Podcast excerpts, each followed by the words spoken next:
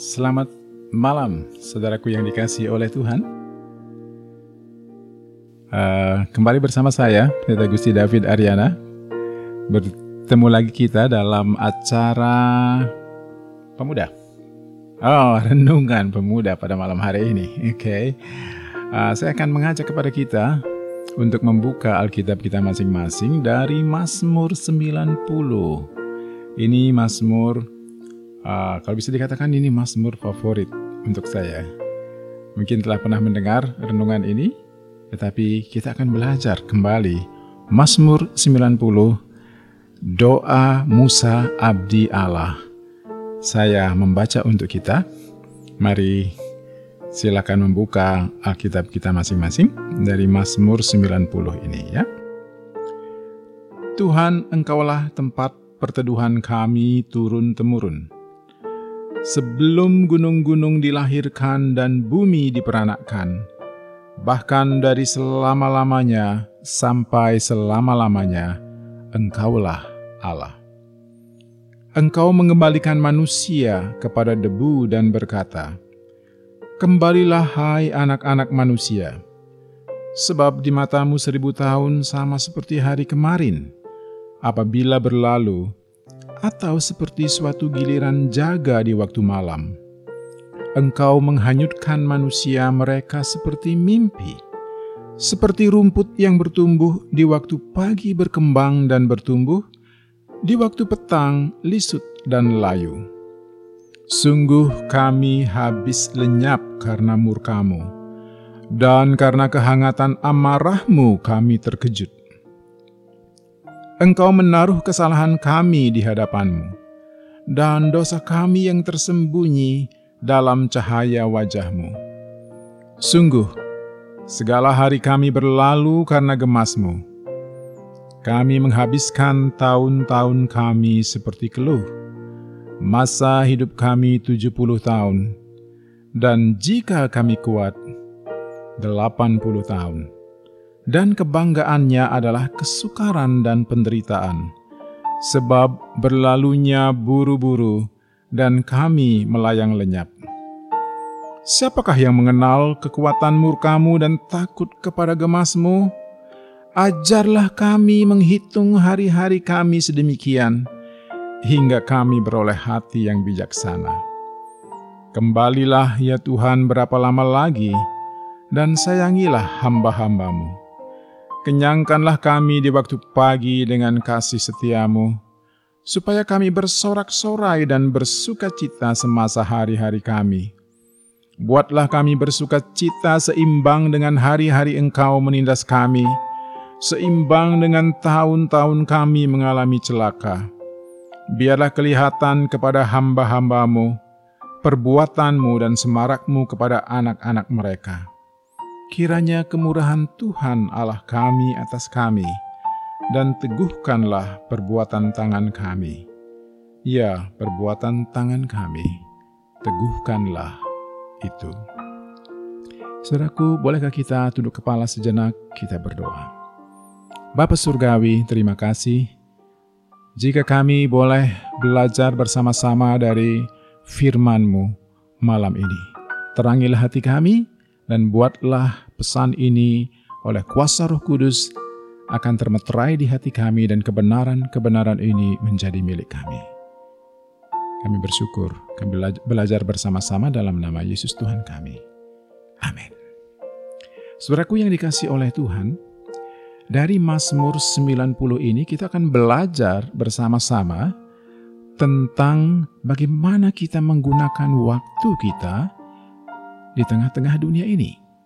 Jadi di sini ada empat kebenaran kekal tentang Tuhan yang harus kita pegang supaya kita akhirnya belajar bagaimana kita akan menghargai waktu yang Tuhan berikan kepada kita. Nah, mari kita lihat bersama-sama apakah empat kebenaran kekal tentang Tuhan itu yang harus kita pegang supaya kita belajar menghargai waktu yang Tuhan berikan kepada kita? Yang pertama, yang kita belajar tentang Tuhan dari ayat 1 sampai yang kedua adalah bahwa Tuhan itu kekal. Saya mengulang kembali, Tuhan engkaulah tempat perteduhan kami turun-temurun. Sebelum gunung-gunung dilahirkan dan bumi dan dunia diperanakkan bahkan dari selama-lamanya sampai selama-lamanya, engkaulah Allah. Tuhan ada dari selama-lamanya sampai selama-lamanya. Sementara manusia akan turun-temurun dari generasi ke generasi. Ada yang pernah memberikan ilustrasi untuk hal ini. Konon zaman dahulu pada waktu masih zaman batu, Orang-orang menggunakan pisau dari batu, lalu jalannya agak bungkuk sedikit. Kemudian orang menemukan tembaga, logam, besi, lalu membuat senjata, bahkan bisa membuat senapan, jalannya sangat tegak. Nah, karena sekarang ini zaman gadget, orang mulai bungkuk sedikit. Jadi itu uh, menjadi lingkaran kehidupan dia. Dari generasi ke generasi, manusia akan selalu berganti generasi dikatakan. Bahkan kalau digambarkan kekal itu kan artinya dari selama-lamanya sampai selama-lamanya. Dapat membayangkan hal itu? Jadi kalau usia kita 70 sampai 80 tahun dibandingkan dengan kekekalan Tuhan, maka mungkin hanya sebuah butiran debu saja dalam keabadian itu. Begitu singkatnya kehidupan kita. Wah, seperti sebuah hembusan nafas. Jadi usia 70 80 tahun itu amat sangat singkat sekali. Tapi Tuhan yang menjadikan kita, yang menjadikan langit dan bumi, laut dan segala isinya, memberi kepada kita kesempatan hidup adalah Tuhan yang kekal. Ada tiga istilah, mungkin kita sering kali mendengarnya, yaitu ada namanya fana, tidak fana, dan kekal. Nah, fana ini artinya dia sangat-sangat sementara sekali. Ini meja ini. Meja, kursi, termasuk benda-benda, termasuk uh, gadget yang kita pakai sekarang ini itu fana. Sesuatu yang pernah tidak ada diciptakan menjadi ada, suatu hari akan lenyap sama sekali. Itu fana. Tapi jiwa kita itu adalah istilah yang dipakai tidak fana. Karena kita pernah tidak ada di dunia ini dalam satu titik dalam bentangan sejarah kita hadir di tengah-tengah dunia ini. Tubuhnya fana tetapi jiwanya tidak fana. Itu sebabnya kita harus membuat keputusan yang benar di tengah-tengah dunia ini. Karena firman Tuhan mengatakan kepada kita manusia dia tidak kekal, tetapi dia tidak fana. Dia pernah tidak ada, menjadi ada, dan akan hidup terus-menerus. Yang terakhir tadi itu kekal, itu sifatnya Tuhan.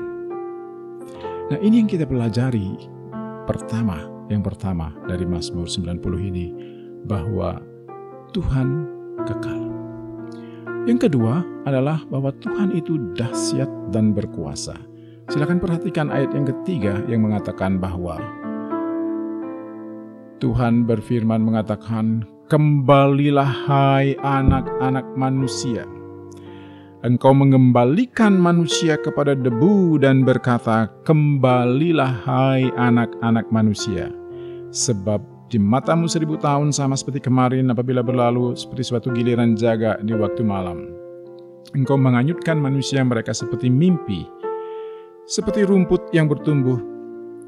Di waktu pagi berkembang dan bertumbuh, di waktu petang lisut dan layu.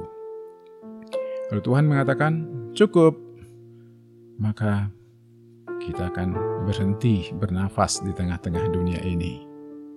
Begitu dahsyatnya kuasa Tuhan. Saya sering uh, memakai ini sebagai analogi.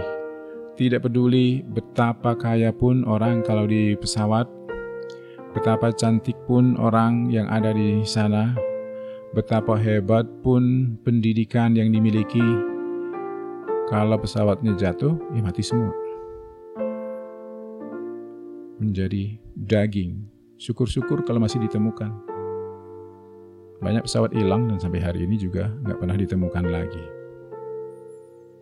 Tuhan berkuasa dan dahsyat. Kalau dia katakan kepada anak manusia, kembalilah kepada debu, maka kita akan kembali menjadi debu. Itu sebabnya firman Tuhan juga mengajarkan kepada kita janganlah takut kepada mereka yang dapat membunuh tubuh. Tetapi takutlah kepada dia yang setelah membunuh sanggup melemparkan jiwa manusia ke dalam neraka. Jadi yang harus kita takuti adalah Tuhan yang berkuasa. Bahkan diceritakan dalam bagian ini, Tuhan kalau dia gemas dan murka, itu tak ada yang bisa bersembunyi daripadanya. Bahwa Tuhan juga melihat setiap pelanggaran-pelanggaran kita yang tersembunyi yang dikatakan di dalam Mazmur ini. Tadi yang gemas dan murkanya itu ayat yang ketujuh. Ayat 8 mengatakan, Engkau menaruh kesalahan kami di hadapanmu, dan dosa kami yang tersembunyi dalam cahaya wajahmu. Saya ingat pada waktu dulu di kampung, kami suka berburu namanya burung, kalau di Jawa sih dibilangnya manuk truok. Yang biasanya kur kuak kuak kuak, yang itu suaranya itu ya. Nah itu lucu, burung ini kalau dia dikejar, kalau dia capai, dia akan sembunyikan kepalanya. Jadi jadi kami dengan mudah dapat mengenali wah ini ini ini ini dia karena nafasnya itu badannya yang mengembang dan mengempis uh, itu kelihatan wah ini ada kehidupan ini di sela-sela rumput ini karena dia hanya menyembunyikan kepalanya saja. Dia sudah berpikir dengan menyembunyikan kepalanya, dia tidak kami tidak melihatnya. Itu sebenarnya adalah sebuah kebodohan.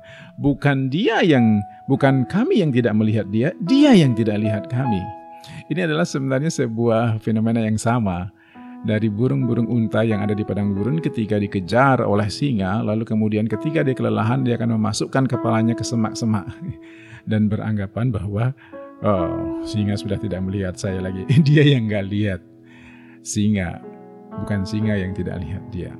Nah, ada banyak kisah untuk hal ini. Kita tidak bisa bersembunyi dari Tuhan. Engkau menaruh kesalahan kami di hadapanmu dan dosa kami yang tersembunyi dalam cahaya wajahmu. Tuhan dahsyat dan berkuasa. Yang ketiga, kita belajar tentang bahwa Tuhan memberi kepada kita umur yang singkat, pendek. Masa hidup kami, ayat 10, 70 tahun. Jadi, saudaraku, hitung sekarang ya ada yang sudah berumur 20 tahun, 21, 22, 23. Uh, setiap ulang tahun kurangi satu, sekarang itu akan semakin dekat. Ya. Nah saya ini udah udah udah gocap lebih nih, udah 55 pada tahun ini. Jadi saya masih punya 15 tahun lagi. Jadi kita harus kerja keras nih untuk uh, membuat pencapaian-pencapaian apa yang belum dicapai. Kalau standarnya adalah 70 tahun. Ya, harap sih jangan terlalu tua-tua banget ya, nyusahin katanya ya.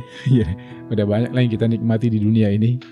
Uh, semua kebaikan-kebaikan Tuhan. Masa hidup kami 70 tahun dan jika kami kuat 80 tahun.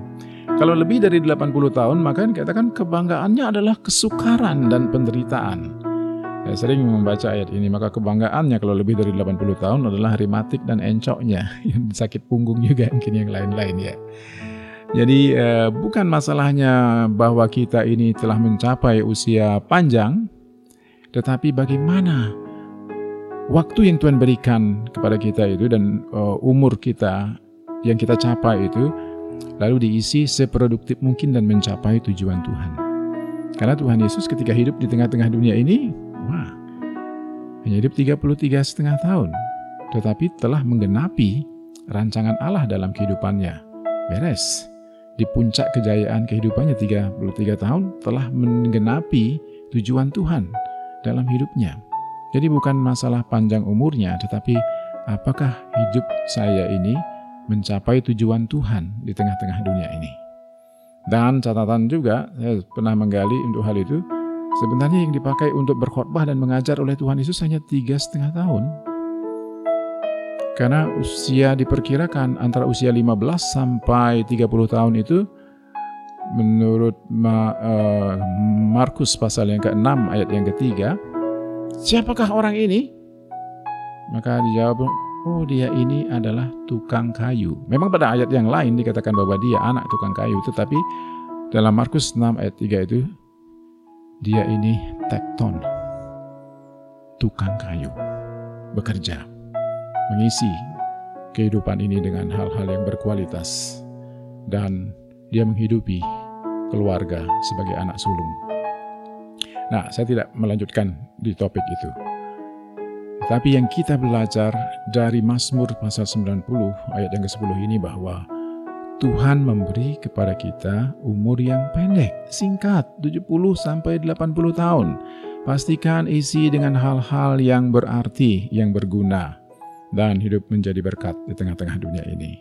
Yang terakhir, kita belajar bahwa dalam ayat yang ke-12 Tuhan itu Tuhanlah yang akan membuat hidup kita berarti. Jadi bukan harta benda. Oke, bagus. Kalau bisa membuat uh, berka berkarya di tengah-tengah dunia ini dan kemudian mencapai karir yang bagus, uh, usahakanlah supaya setiap skill, keahlian yang kita miliki itu akan dipakai dan bisa menjadi berkat. Uh, Oke, okay, bisa mendapatkan income yang bagus, punya identitas, lalu kemudian bisa memberi pengaruh yang besar di tengah-tengah dunia ini. Tetapi ingat, yang akan membuat seseorang itu bahagia bukanlah apa yang dimiliki di tengah-tengah dunia ini. Artinya bukan harta benda.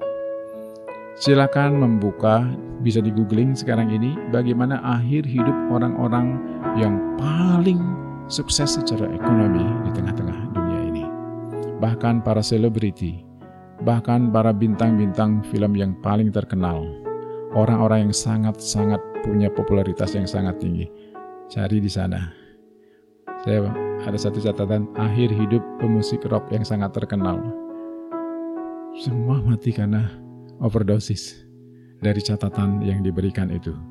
Jadi apa sebenarnya pusat ataupun uh, rahasia dari kebahagiaan sejati itu? Tuhan Tuhan membuat hidup kita berarti. Apa yang di, tadi didoakan oleh Musa, Nabi Musa dalam ayat 12. Ajarlah kami menghitung hari-hari kami sedemikian hingga kami beroleh hati yang bijaksana. Kembalilah ya Tuhan, berapa lama lagi sayangilah hamba-hambamu. Kenyangkanlah kami di waktu pagi. Di waktu pagi kenyang dengan kasih setia Tuhan. Lalu kemudian sepanjang hari itu bersorak-sorai semasa hari-hari kami. Jadi pagi-pagi ya mesti cari Tuhan. Datanglah kepada Tuhan, carilah dia, maka kamu akan hidup. Dikatakan dalam dalam Amos pasal yang kelima ayat yang keempat dan lima ya. Lalu kemudian ayat 17 mengatakan, Kiranya kemurahan Tuhan Allah kami atas kami, dan teguhkanlah perbuatan tangan kami. Ya, perbuatan tangan kami, teguhkanlah itu. Jadi Tuhan akan membuat hidup kita menjadi berarti. Jadi siapa yang kita sembah? Siapa yang kita yakini? Kalau orang dikatakan yang menjadi sandaran kehidupannya adalah uang, mungkin juga ya sukacitanya berdasarkan nilai uang karena dia juga berfluktuasi ya. Jadi kalau yang suka main falas tahu betul bahwa nilai uang itu setiap detik dia berubah. Naik turun, naik turun.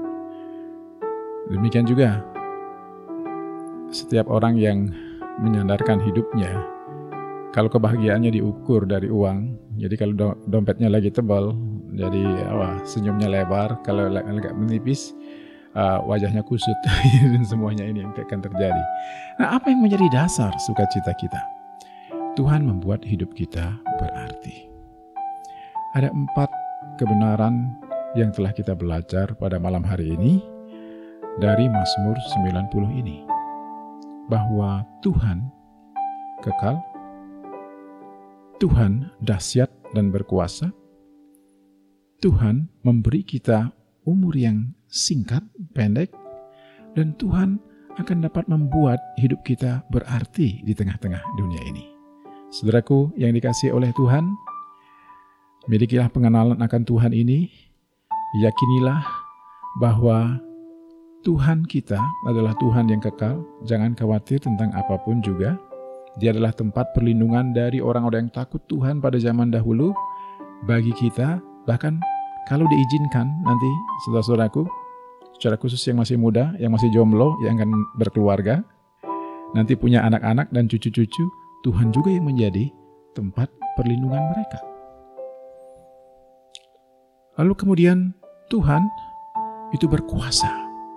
Dia tahu hidup kita. Takutlah akan Tuhan. Orang yang takut akan Tuhan akan dipelihara, diberkati oleh Tuhan. Itu pasti hukumnya. Tuhan memberi kepada kita umur yang pendek, singkat. Nanti nggak terasa, tahu-tahu sudah uban semua. Nih, seperti jenggot saya. Ini udah warna dua warna ini. Ntar lagi mungkin sudah berubah semuanya. Semua kita akan mengalami kemerosotan secara fisik. Tuhan memberi kepada kita umur yang pendek. Dan yang terakhir, Tuhan membuat hidup kita berarti hidupmu juga. Tuhan memberkati. Kita berdoa. Bapa, terima kasih. Meteraikanlah firman ini di dalam hati kami. Terima kasih karena Engkau Tuhan yang kekal. Terima kasih Tuhan karena Engkau dahsyat dan berkuasa. Biarlah kepadamu jiwa kami gentar dan takut dan hormat, dan hidup kami diserahkan kepada Engkau. Tuhan terima kasih untuk kesempatan hidup Tolong kami untuk mengisi waktu-waktu kami dengan bijaksana dalam waktu yang singkat di tengah-tengah dunia ini. Tuhan tolong supaya kami hidup bagi Engkau dan buatlah hidup kami berarti dan kami tidak menyia-nyiakannya. Setiap hari kami berjalan bersama Engkau. Kami bersyukur kami telah berhenti berkata-kata, tapi rohmu yang kudus memeteraikannya di hati kami. Dalam nama Tuhan Yesus. Amén.